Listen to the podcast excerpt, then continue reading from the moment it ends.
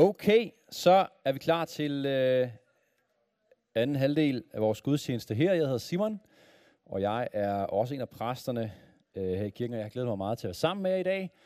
Både fordi I er søde, men også fordi, at øh, jeg synes, vi skal være sammen om noget, som er rigtig spændende og opmuntrende.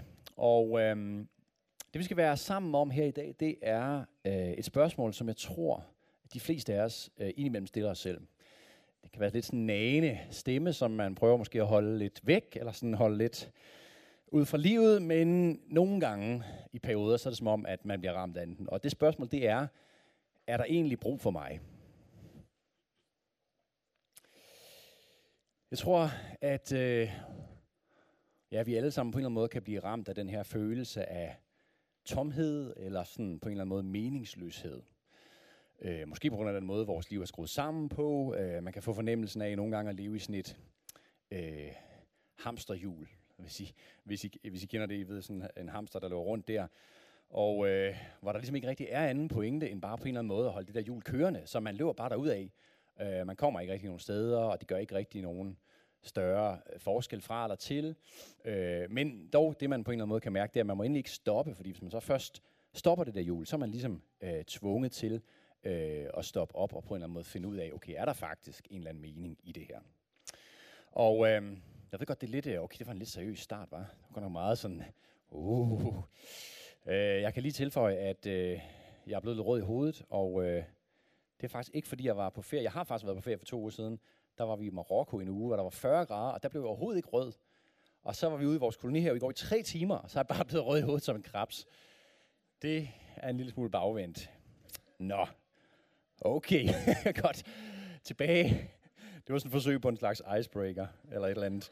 Men øh, tilbage, tilbage til det dybt alvorlige og seriøse. Uh, hvis man, øh, nogle gange, når jeg er over at besøge mine forældre, de bor på Fyn, så øh, øh, de bor sådan ude i, det er egentlig sådan lidt et øh, villa-kvarter eller sådan men der er mørkt nok til, at man kan se stjernerne. Jeg ved ikke, om I kender det nogle gange, når man bor inde i byen, så ser man ikke, man, okay, man har godt sådan en idé om, der er nogle stjerner, sådan, men hvis man nogle gange våger sig ud, øh, de steder, hvor der virkelig, virkelig er mørkt, og man virkelig står der og virkelig kan på en eller anden måde betragte stjernehimlen, så kan man godt, eller jeg kan i hvert fald godt nogle gange blive ramt lidt af den samme følelse. Det her med, wow, det er bare, der, det er på en eller anden måde uendeligt stort, det her både i rum og i tid, og hvad, hvad er mit liv ligesom i det?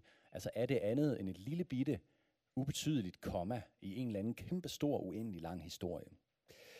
Og jeg synes, det samme kan ske, øh, den her fornemmelse af på en eller anden måde noget tomhed rundt om en eller noget. Sådan. Det kan ske, hvis, øh, det håber jeg virkelig ikke sker for jer nogensinde, men altså hvis ens internet crasher, øh, det vil jeg virkelig ikke ønske for min værste fjende. Øhm, men hvis det sker, og så sidder man der, og man kan pludselig ikke høre radio, man kan ikke høre musik, man får ikke nogen notifikationer, øh, alt det der, så er det jo ligesom om, at man bare sidder der, og så er der ikke andet end tomhed rundt om en, og man er nødt til at ligesom på en eller anden måde kigge sig selv i øjnene og, og, og stille spørgsmål, okay, hvor er, hvor er jeg overhovedet på vej hen, og hvad sker der med mit liv og sådan noget. Det er virkelig en meget ubehagelig øh, oplevelse, hvis det sker næsten traumatiserende, synes jeg, det kan være. Og øh, jeg tror faktisk, at den grund, at langt de fleste af os i dag undviger stillhed og på en eller anden måde, øh, man kunne kalde det ensomhed, men det lyder, det er så negativt i dansk, men altså det her med at være alene, og det her med at være i noget, som er stille, hvor vi på en eller anden måde faktisk bare sidder og venter, og ikke der er alle mulige ting, der hele tiden stimulerer os. Det tror jeg virkelig, vi prøver at undgå. Det tror jeg virkelig sådan en grund, øh, på en eller anden måde, øh, diagnose nærmest af vores samfund, at vi kan, vi kan simpelthen ikke med det der stillhed. Det, der bare er spørgsmålet til os, det er øh, det her rum på en eller anden måde, som vi kan opleve, når vi kommer ud i noget, der er stille, eller noget, der er tomt, eller noget, der ligesom er sådan meget større end os selv. Det er ligesom, er det rum, i virkeligheden så tomt, som vi er bange for? Eller hvad er der egentlig? Altså, hvad sker der egentlig, hvis vi faktisk sætter os ned og stille, eller hvis vi står der under stjernerne og faktisk tør se det her spørgsmål i øjnene? Okay, men hvad betyder jeg i det her? Er der faktisk brug for mig i alt det her kæmpe store? Øhm, og den her bog, Bibelen, den har en helt anden historie at fortælle, end at vi bare er her ved en tilfældighed, og at en dag så er vores liv bare slut, og så kører verden videre. Det er slet ikke den historie, den fortæller. Den fortæller en historie, som handler om en Gud, som har skabt alting. En Gud, der skaber. En Gud, som har skabt med intention, med formål. En hver af os og hele verden, og som elsker alle mennesker og har skabt os hver især unikt med bestemte gaver, øh, med bestemte evner, med bestemt personlighed, med et formål. En hver af os, tror jeg på, er skabt med et formål, med et kald, kunne man kalde det. Det er sådan lidt et bibelsk ord. Og jeg tror ikke, det kun er sådan et generelt formål, sådan noget med, at, at man skal prøve at opføre sig pænt og være sød ved andre, og ligesom på den der måde. Det er, også, det er helt klart også meget fint. Men jeg tror faktisk på, at Guds kald til hver enkelt af os er meget større og meget mere unikt for dig og for mig. Jeg tror faktisk på, at enhver af os er kaldet til at skrive en del af Guds historie. En del, som vi kun kan skrive. Jeg ved godt, det er lidt en voldsom påstand, men det er noget af det, som det skal handle om her i dag. Øh, det, der bare er problemet i det for os, i hvert fald mange af os, som er vant til at gå i kirke, det er, at vi har tit øh, på en eller anden måde fået den her idé ind i vores hoveder om, at hvis vi rigtig sådan skal tjene Gud, hvis vi rigtig skal træde ud i Guds store historie med vores liv, så skal vi lægge vores liv helt om, så skal vi blive præster eller missionærer eller et eller andet, en af de der ting. Ikke? Og jeg ved godt, det er måske lidt sådan en kliché at sige, at det er det, vi faktisk tror, men jeg tror faktisk, at det er på spil for mange af os. Virkelig, jeg tror faktisk, det sidder fast i os, og det er faktisk noget, vi skal arbejde med. Jeg har lagt mærke til, at øh, der er mange, der bruger sådan et begreb, som illustrerer øh, den her ting, eller det, den her måde at se det på. Øh, og det har du måske sikkert også hørt. Det er sådan et begreb som fuldtidstjeneste. Er der, er der nogen af jer, der stødt på det? Øh, fuldtidstjeneste. Og det hensyder til, ligesom at man arbejder i en kirke, øh, øh, ligesom på fuld tid, og får løn for det. Og det er, jo, det er jo fint nok, hvis det er det, man skal. Det er jo for eksempel det, jeg skal. Det er det, der er mit kald. Men det, der er problemet ved det her begreb, det er, at implicit i det, der ligger så også, at du åbenbart jo ikke kan tjene Gud med dit liv på fuldtid ved at have et normalt job. Altså du kan åbenbart ikke være fuldtidstjeneste, hvis du tjener dine penge på noget andet end kirke. Det er faktisk det, der implicit ligger i det her. Og det er et kæmpe stort problem for vores selvforståelse som efterfølger af Jesus. Fordi det er slet ikke den historie, som Bibelen fortæller. Det er slet ikke den historie, Bibelen fortæller. Nå ja, ja. Øh, den historie, som Bibelen fortæller helt tilbage faktisk fra skabelsen og helt til slutningen af Bibelen, det er, som jeg sagde før, at enhver os er skabt i Guds billede.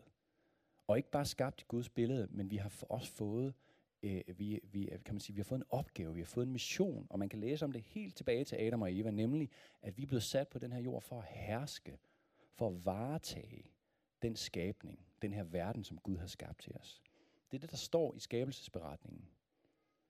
Vi er skabt til at være gardnerne i den her have, som får alting til at spire og gro at vokse op til sit gudgivende potentiale. Man kan en anden måde sige det på, det er også, at vi er skabt til at være kunstnere, som tager alle, alt det, som Gud har skabt, alle de gode råmaterialer, øh, og vi ligesom forfiner dem. Vi skaber noget nyt med dem. Det er det, vi er skabt til. Det er det, vi siger at være skabt i Guds billede. Det er, at vi kan skabe videre på det, som han har skabt til os. Og det er faktisk din og min bestemmelse. Det er det, vi er skabt til at være forvaltere og medskabere på den her fantastiske verden, som Gud har skabt til os. Desværre skete der det, når vi læser videre i skabelsesberetningen, og som vi også kan se overalt omkring os i vores samfund, at vi ødelagde det for os selv som mennesker. Ikke? Fordi i stedet for at skabe godt af det, vi har fået, i stedet for at skabe kærlighed, så vælger vi at misbruge det mandat, vi har fået, til at ligesom hæve os selv op, til at gøre noget, som får os selv til at se bedre ud. Og i stedet for at tjene verden og skabe gode og smukke ting, ting, der skaber liv, så skaber vi dårlige og nogle gange decideret destruktive og onde ting, som virkelig nedbryder den her verden, som spreder død og ødelæggelse. Vi er lige startet på at se den der serie Chernobyl, som ligger på HBO. Hvis nogen af jer har set den, den er helt sindssygt skræmmende. Og virkelig god. Men øh, ja, apropos det med at lave dårlige ting. Der er på et tidspunkt, okay, der er på et tidspunkt i den her, øh, det er ikke, det er ikke en, nej, okay, måske, okay, jeg lader være med at sige det. Jeg har, jeg, øh, ja, jeg har, jeg har desværre nogle gange, så, er jeg blevet, så kommer jeg med nogle spoilers. Jeg må hellere lade være med at sige det. Men jeg synes, I skal se den. Det er en meget, meget god øh, serie. Øh, men altså det, der sker, nu har, nu havde vi påske her for nylig for en, for en måneds tid siden, og det, der sker efter, at vi har ødelagt det for os selv som mennesker, det er, at i påsken, i Jesu død og opstandelse, der kommer Gud selv og genopretter alting. Han giver os, han, på en måde så genvinder han os vores mandat. Vi får det mandat tilbage, som vi egentlig havde mistet, det mandat, som vi fik helt fra tidernes morgen, nemlig ved skabelsen. Det er som om, vi bliver genindsat i den opgave, som der egentlig hele tiden har været vores. Fordi Jesus han kommer, og han gør op med alt, som er ondt, alt som er alt død. Han vinder over, øh, over døden, og han, han genindsætter os simpelthen med mulighed for at genindtræde i det mandat som gardnere i haven. Det, det, den her beskrivelse er overalt. Man kan finde det overalt i det nye testamente. Det er både Paulus og Peter, de snakker om det her med at være et kongeligt præsteskab, og det er faktisk det, det betyder. Særligt Johannes åbenbaring er det ultra tydeligt, at det er det, der er Guds plan for verden, at vi bliver genindsat for at regere sammen med Jesus. Jeg ved godt, det lyder helt vildt. Det, der bare er ved det, det er, at der er ikke så mange af os, der virkelig på en eller anden måde tager det her til os, og derfor heller ikke træder ud i det. Og derfor så får vi den her splittede forståelse af, hvad vil det sige at tjene Gud. Det handler om noget med kirke og fuldtidstjeneste og sådan noget. Øh, men det er bare alt for småt. Det er en alt for lille forståelse af, hvad det handler om. Altså, når vi skal bygge Guds rige, så handler det ikke bare om kirke. Det handler ikke bare om noget, der foregår om søndagen, eller vi mødes i grupper. Det handler om alle aspekter af hele vores liv. Guds rige er så meget større end kirke. Guds rige handler om alting. Det handler om, at Gud han er ved at bringe liv til alting. Og det betyder også, at uanset hvor du er i dit liv, uanset hvad du oplever et kald til, uanset hvad din profession, eller dit studie, eller den, din omgangskreds, eller uanset hvor du er sat, så spiller du faktisk en unik rolle i Guds plan. Du er blevet sat lige der, hvor du er, fordi du har noget at give. Fordi du har vigtig betydning, faktisk, i det, som Gud er ved at gøre. Du er blevet givet til den her verden med din personlighed, med dine unikke gaver og evner. Fordi at du kan give noget, og fordi du på den måde kan være med til at bringe liv der, hvor du er sat. Men det er op til hver enkelt af os, om vi vil træde ud i det. Om vi vil træde ud i det mandat, ud i Guds historie, eller vi bare vil skrive på vores egen historie. Det er vi helt frie til. Det er bare lidt kedeligt, ikke? Altså i sammenligning med at kunne skrive med på Guds kæmpe store historie, så er det faktisk bare lidt kedeligt bare at skrive på vores egen. Og derudover så er det også, vil jeg sige, både noget jeg selv har erfaret, men også øh, bibelsk fakt, at jeg ved nogle gange, så kan vi snakke om, at vi, vi synes ikke, vi oplever Guds kraft i vores liv, eller vi savner fred, eller vi savner at øh, på en eller anden måde mærke, at Gud er virkelig og sådan noget. Men ved I hvad, nogle gange så hænger det faktisk sammen med, hvor meget vi træder ud i Guds historie. Det gør det faktisk. Det er en lille smule sådan kantet. Men det er faktisk den bibelske model. Det vi skal gøre i dag, det er, at vi skal se på en mand, hvis liv og hvis historie virkelig, virkelig er hjælpsom for os, når vi skal prøve at dykke ned i det her. Øh, den viser os også, at vejen til at gøre det her, det er hverken særlig nemt, det er ikke gnidningsfrit, det er ikke noget, som bare går smertefrit, det er faktisk snarere tværtimod. Men inden vi skal gøre det, så vil jeg godt lige præsentere for en model, som øh, jeg selv øh, faldt over her for nylig, som jeg synes er meget, meget hjælpsom. Det er en forfatter, som hedder Henry Nguyen, tror jeg det skal udtales, øh, som skriver nogle helt fantastiske bøger. Og øh, i en af de bøger, han har skrevet, som hedder Life of the Beloved, så præsenterer han os for sådan fire trin. Du må godt smide den op på... Øh, Åh oh, nej, ja, nej, ja, nej, vi tager det der først. Ja. Den, øh, men, men den her model, den er baseret på fire trin, som han hiver ud af det, som vi altid læser op i nadveren. Altså det her, det sidste måltid, det som Jesus siger til hans disciple, inden han skal ud og dø på korset. Det han siger, det er det her, vi alle sammen har hørt det tusind gange, men han, han siger, øh, eller der står, mens de spiste, tog Jesus et brød, velsignede og brød det, gav sine disciple det og sagde, tag det og spis det, dette er mit læme. Og ud af den her tekst, ud af det, der sker i den her ultrakorte handling, der udleder han altså fire øh, punkter, fire, kan man sige, processer, som der sker. Et, Jesus tager brødet. To, han velsigner det. Tre, han bryder det. Fire, at han giver det. Og fordi han netop siger, dette er mit læme, det her brød, som bliver taget, velsignet, brudt og givet, det mit læme, så er det simpelthen hans eget liv, han snakker om. Og derfor så kan vi også forvente, at det som er ham er forfatterens pointe, at det er faktisk den samme måde, Gud arbejder med os på i vores liv. Vi simpelthen forvente igennem vores liv og på en eller anden måde ramme ind i de her fire faser. Nogle gange måske helt i rækkefølge, men andre gange også sikkert hulter til bulter frem og tilbage og sådan noget. Pointen i det er helt kort, at ligesom Jesus tager et brød, vælger et brød og tager det, på samme måde er enhver også blevet udvalgt, blevet set af skaberen, inden vi blev kaldt ind i eksistens. Allerede inden vi blev født, så havde Gud en tanke om, hvem vi skulle være. Vi var blevet udvalgt til at være lige den, vi skulle være. Nummer to, det handler om, at vi bliver velsignet, at vi får givet en masse ting. Vi får givet en personlighed, vi får givet karakterer, vi får givet evner, alt muligt, som vi har fået fuldstændig kvitt og frit, hvor vi dybest set ikke mange af os har kunne gøre nogen forskel, om vi har fået det eller ej. Det er det, der ligger i at blive velsignet. Træeren, det handler om at blive brudt, fordi igennem vores liv i den her verden, så vil vi opleve igen og igen at blive brudt på forskellige måder. Kom ind i smertefulde sæsoner, kriser, ting og sager, som ender med at forme os. Og det er derfor, det ikke kun er negativt. Fordi de her sæsoner, det er noget, som Gud bruger til at forme os, sådan så vores liv kan komme til at blive mere frugt, og sådan så vi endelig slutligt kan blive givet til den her verden, ligesom Jesus blev givet. Det er det, der er pointen, og øh, jeg synes faktisk, at den her model er virkelig, virkelig hjælpsom. Og jeg kan godt bare lige tænke mig, og bare lige stoppe op, og øh, så prøv lige at spørge dig, hvis du på en eller anden måde lige skulle tænke over, hvad for en sæson er jeg i lige nu i mit liv? Er der noget af det her, som kendetegner den sæson mere end andet? Altså er jeg måske på en eller anden måde, øh, måske alt det her med Gud, er det noget, der er nyt for mig? Er det nyt for mig at have den her opfattelse eller oplevelse af, hey, jeg er blevet udvalgt. Der er faktisk en Gud, som har set mig. Eller er jeg et sted, hvor jeg oplever at blive velsignet, et sted, hvor Gud måske gør mig opmærksom på en masse ting, jeg har fået givet? Er jeg en sæson, hvor det mere handler om, at jeg bliver brudt, ikke at det er noget, som Gud gør, men det er i hvert fald det, der sker i mit liv. Jeg er i en svær tid, jeg gennemgår en krise eller noget, som er svært, men hvor Gud bruger det til at forme mig. Eller er jeg måske mere en sæson, øh, hvor jeg faktisk på en eller anden måde har fået den her forståelse og oplevelse af, at jeg har faktisk noget at give til den her verden. Det jeg har fået, der er jeg faktisk fået for at give det. Prøv lige at tænke over det i 10 sekunder.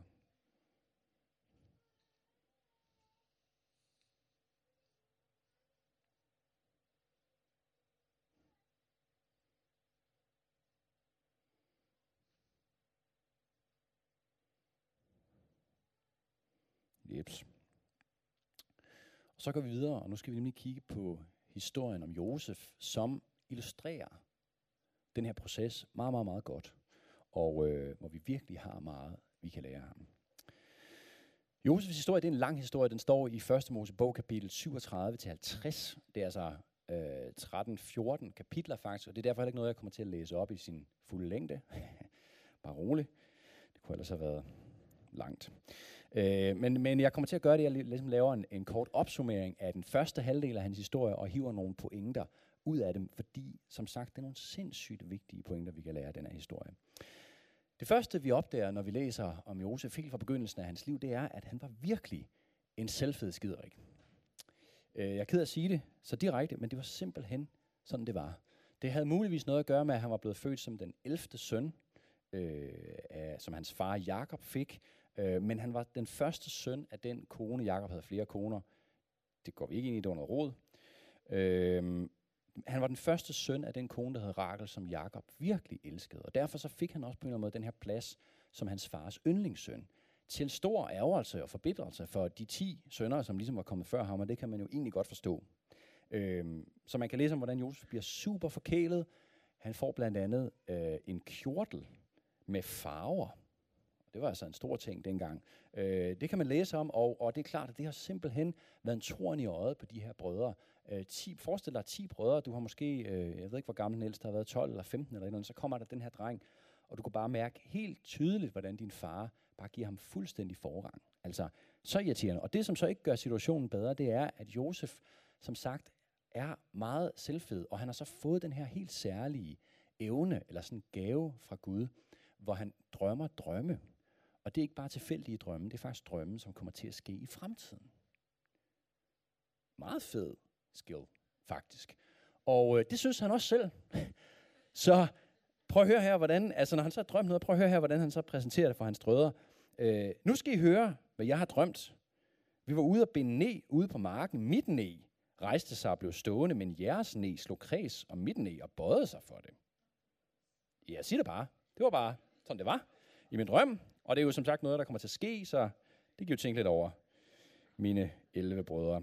Og så Josef får en til af de her uh, drømme, hvor så, den lyder sådan her. Nu har jeg igen haft en drøm, proklamerer han. Jeg så solen, månen og 11 stjerner bøje sig for mig.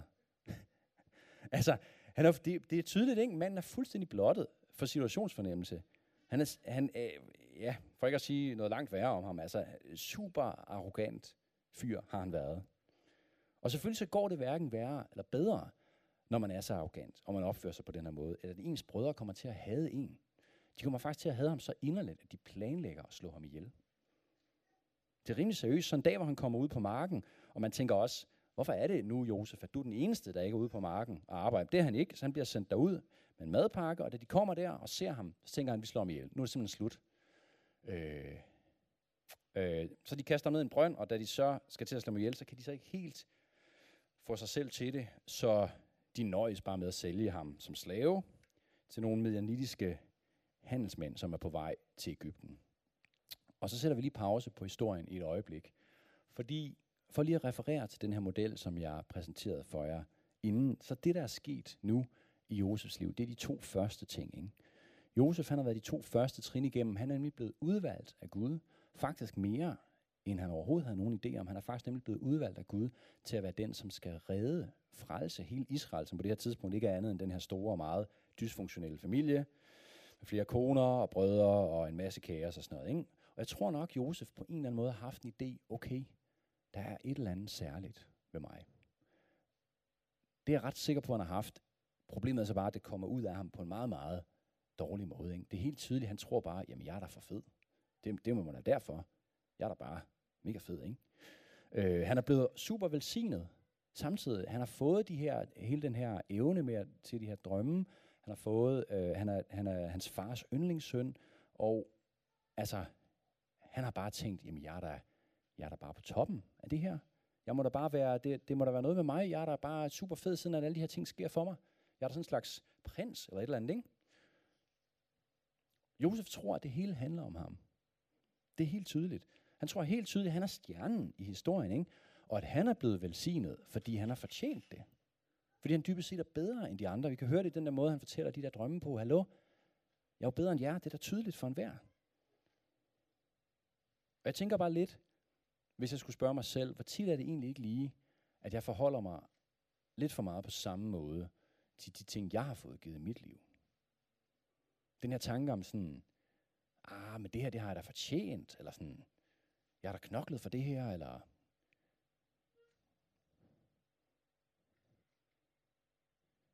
Det er bare sådan, ikke, at alt det, vi har fået givet, det har vi fået givet helt ufortjent. Der er ikke noget i vores liv, hvor vi bare kan sige, at det har vi krav på, eller det har vi fortjent. Vi har fået det givet af Gud, alting. Vores evner, vores personlighed, vores krop, vores penge, den familie, vi er vokset op i, alting er blevet givet os helt ufortjent. Og vi har ikke fået det givet, fordi vi er særlig fede, eller fordi vi er bedre end andre. Vi har fået det givet i Guds nåde, fordi han har ønsket at velsigne os, men også fordi han ønskede, at vi skulle bruge det til at velsigne andre, give det videre, vi har fået. Vi har fået det sådan, så vi kunne være med til at tjene den her verden og bringe liv til der, hvor vi er sat. Men for at vi kan komme derhen, hvor vi forstår det, hvor vi virkelig på en eller anden måde begriber det, der er vi nødt til at blive brudt. Og det er så sandelig også det, som sker med Josef. Fordi udover det her med at blive solgt som slave af sine egne brødre, jeg forestiller mig, uden at have prøvet det, at det er en okay traumatisk oplevelse at opleve, at dine brødre faktisk vil slå dig ihjel, at de så nøjes med at sælge dig som slave. Øh, ja, jeg tænker, det har nok givet ham lidt at tænke over. Ikke? Det vil det nok for de fleste mennesker. Så sker der så det, da slavehandlerne kommer til Ægypten, at Josef bliver solgt til øh, en, der hedder Potifar. Han er øh, faraos hofmand. Han er faktisk hans livvagt, chef for livvagten. Og da jeg læste det, så tænkte jeg, Nå, det, det ringer et eller andet. Det er jo lidt ligesom at være Lord Commander of the King's Guard. Øh, som vi jo alle sammen ved, det er jo Jamie Lannister. Jeg har ikke taget et billede af ham. Men altså, jeg tænkte, man kunne forestille sig, at Jamie Lannister bare ikke lige så flot, øh, med sin spids næse og en kone og et super nederen navn, så har man ligesom ham her Potifar. Og jeg har fundet et billede af ham. Der kan I se ham. Øh, markant mand, der står også et eller andet. Jeg ved ikke, hvad det betyder. Men Spændende er det. Men det, det der er interessant, øh, i der hvor, hvor Josef kommer til Potifars hus, det er, at man kan simpelthen mærke, at der er sket noget med ham allerede på det her tidspunkt. Det er som om, at turen igennem ørkenen med de her slavehandler simpelthen har gjort noget ind i ham. Fordi væk er den her top, arrogante og selvfede fyr. I stedet for, så kan vi læse om, hvordan Gud er med Josef. Og hvordan Josef virkelig tjener Potifar så godt som slave, at der går faktisk ikke særlig lang tid, før han bliver udnævnt til at være den øverste mand i Potifars hus. Han giver ham ansvar for alting, og det har sikkert været et mindre palads øh, med den titel, som Potifar havde. Og man når lige at tænke, okay, fedt nok, Josef, det er meget godt gået. Det er som om, du har faktisk fanget noget, det begynder at gå ham godt, ikke? men Ak. Der går ikke så lang tid før, at Potifars kone, og hende kunne jeg også finde et billede af, der, hun skulle være meget sød, efter sine. Øhm, der sker simpelthen det, at konen her, hun prøver at forføre Josef.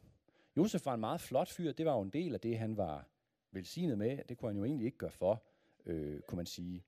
Men det, der er vigtigt at lægge mærke til, og det er derfor, man kan se noget af den her forandring i Josef, det er, at han vælger ikke at udnytte den her velsignelse til hans egen fordel.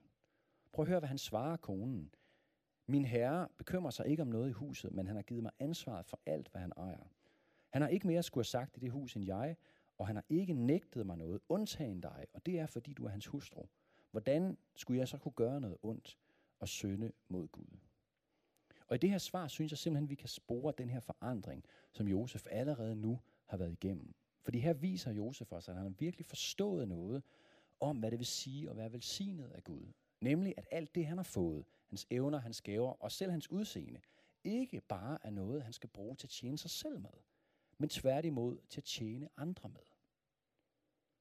Jeg ved ikke, hvad din attitude havde været, hvis du var blevet solgt som slave til en eller anden egyptisk krigsherre.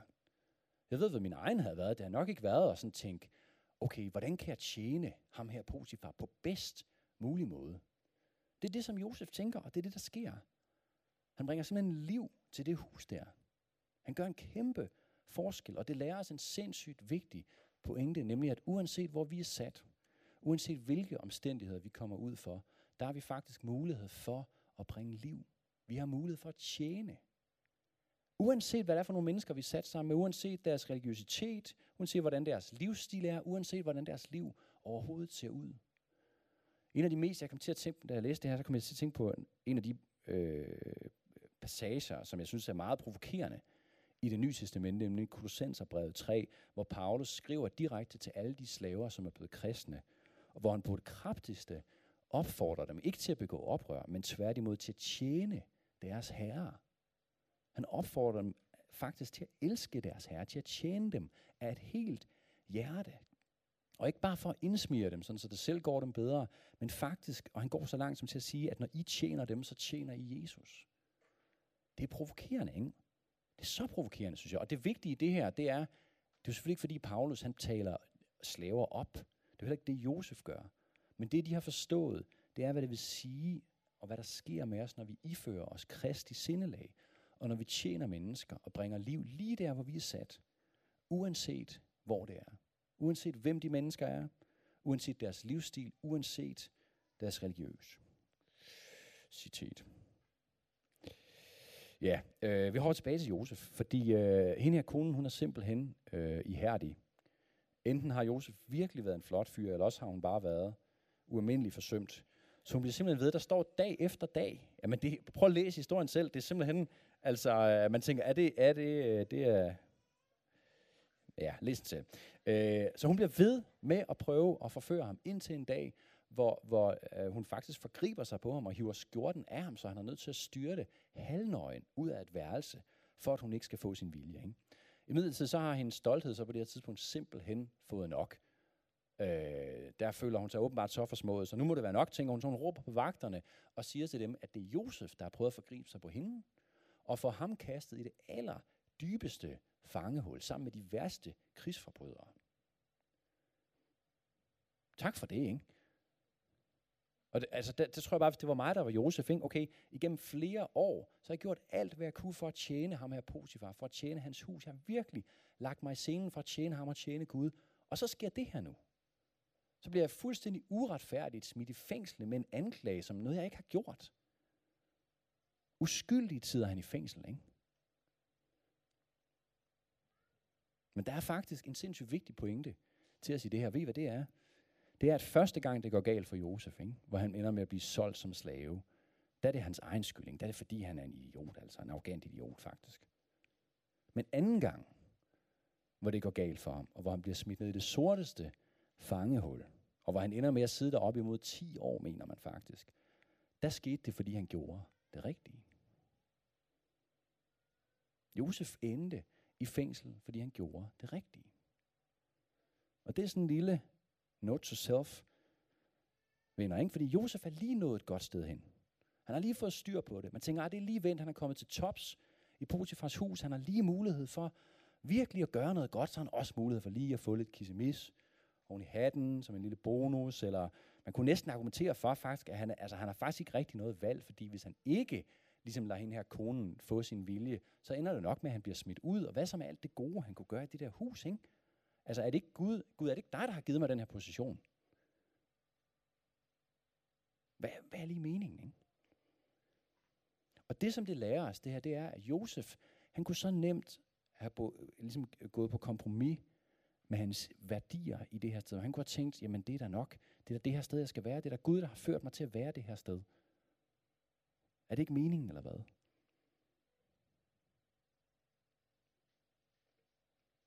Jeg tror, at nogle gange så kan vi opleve, at vi bliver kastet ud i en, nogle virkelig svære ting.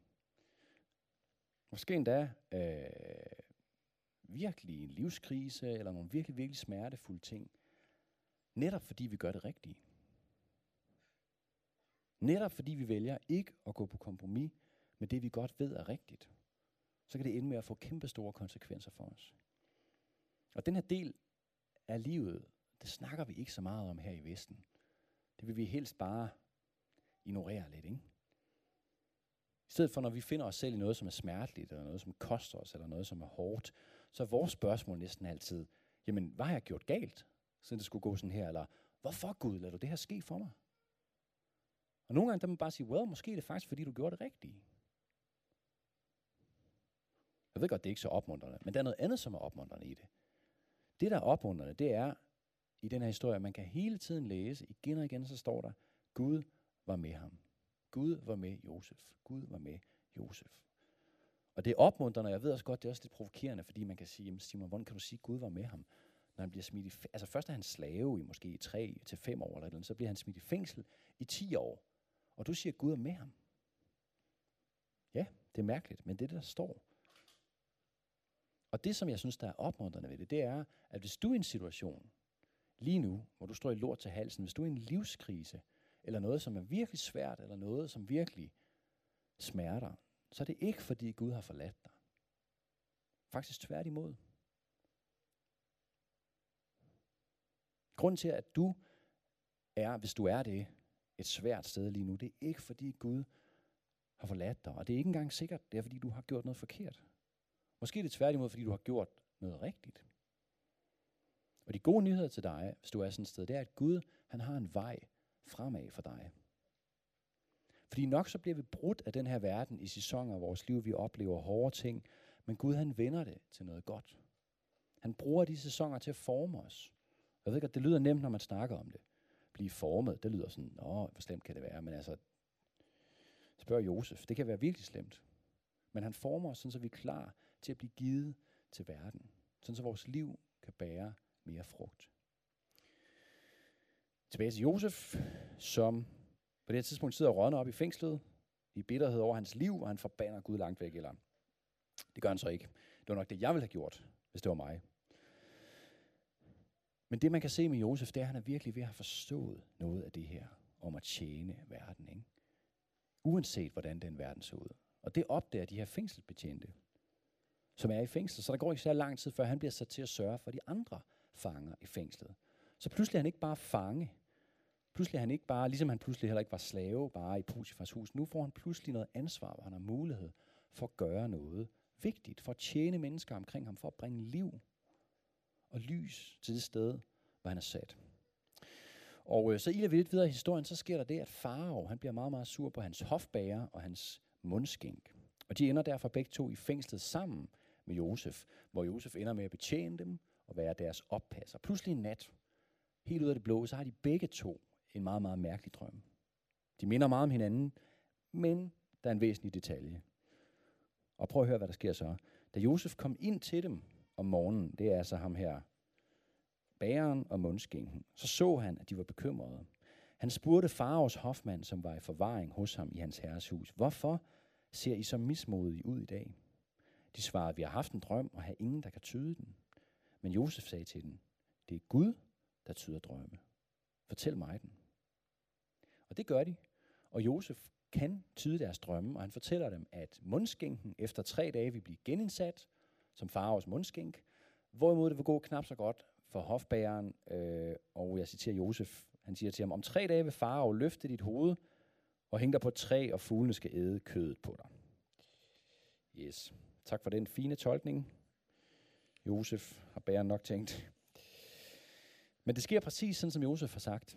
Efter tre dage bliver øh, bæren slået ihjel, og øh, mundskænken bliver genindsat. Og Josef har lavet den her aftale med mundskænken. Når du kommer tilbage til far, så husk lige på mig, fordi jeg sidder faktisk i det her fængsel, og det er faktisk ikke helt fair, fordi bla bla bla, så videre.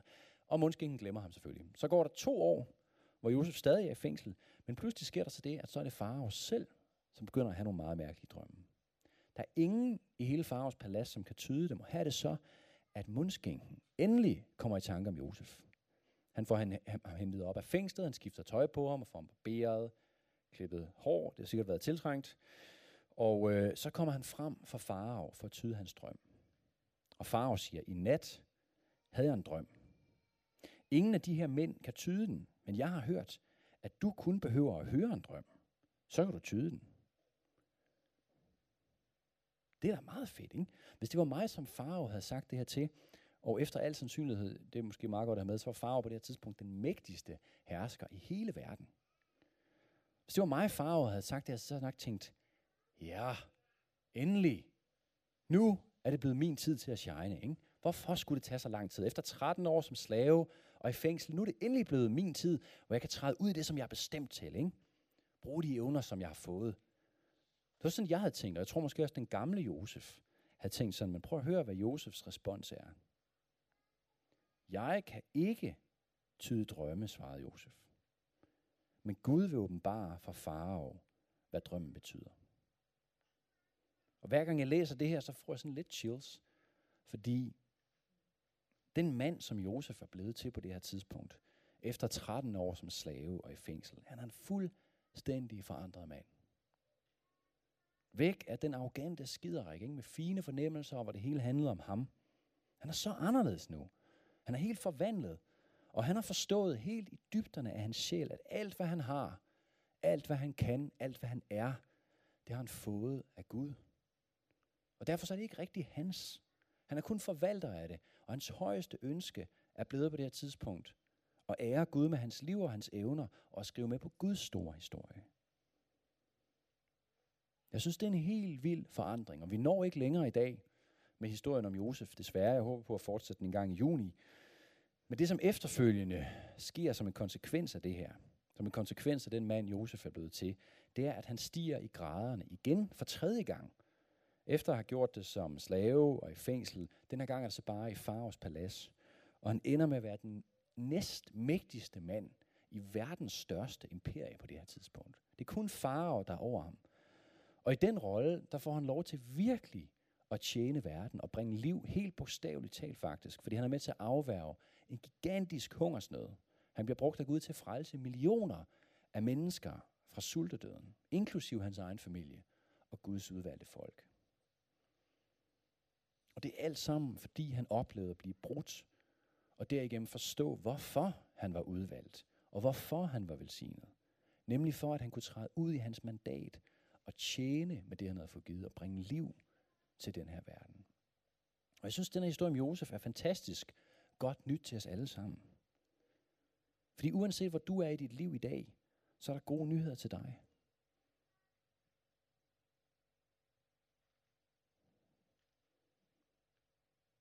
Hvis vi har en indstilling om at tjene verden, og vi tør at træde ud i det mandat, vi har fået, så er der ingen af os, som Gud ikke kan og vil bruge. Uanset hvordan dit liv ser ud, uanset hvad din profession er, uanset hvad, dit, hvad, din, hvad dine timer går med i løbet af ugen, så vil Jesus bruge dig til at skrive hans store historie med. Jesus inviterer dig til at skrive en del af hans kæmpe store historie. Uanset hvad dit liv er fyldt af, uanset om du oplever et kald til underholdningsbranchen, eller til lægevidenskab, eller til kunst, eller byggeri, eller sport, eller design, eller whatever, så kan og vil Gud bruge dig lige der, hvor du er sat. Han vil bruge dig til at bringe hans rige til den her verden, til at bringe liv til det, som er dødt, til at være med til at genoprette det, som er brudt og ødelagt. Og det betyder, at dit liv og dine evner, og dine midler, og din uddannelse og dit job, og det er alt sammen faktisk ikke rigtigt tilhører dig, sig, dig selv. Vel? Det er gaver fra Gud. Du er blevet udvalgt, og du er blevet velsignet for at kunne give det videre. Gud har givet dig et mandat, som kun du har fået. Så lad os træde ud i det.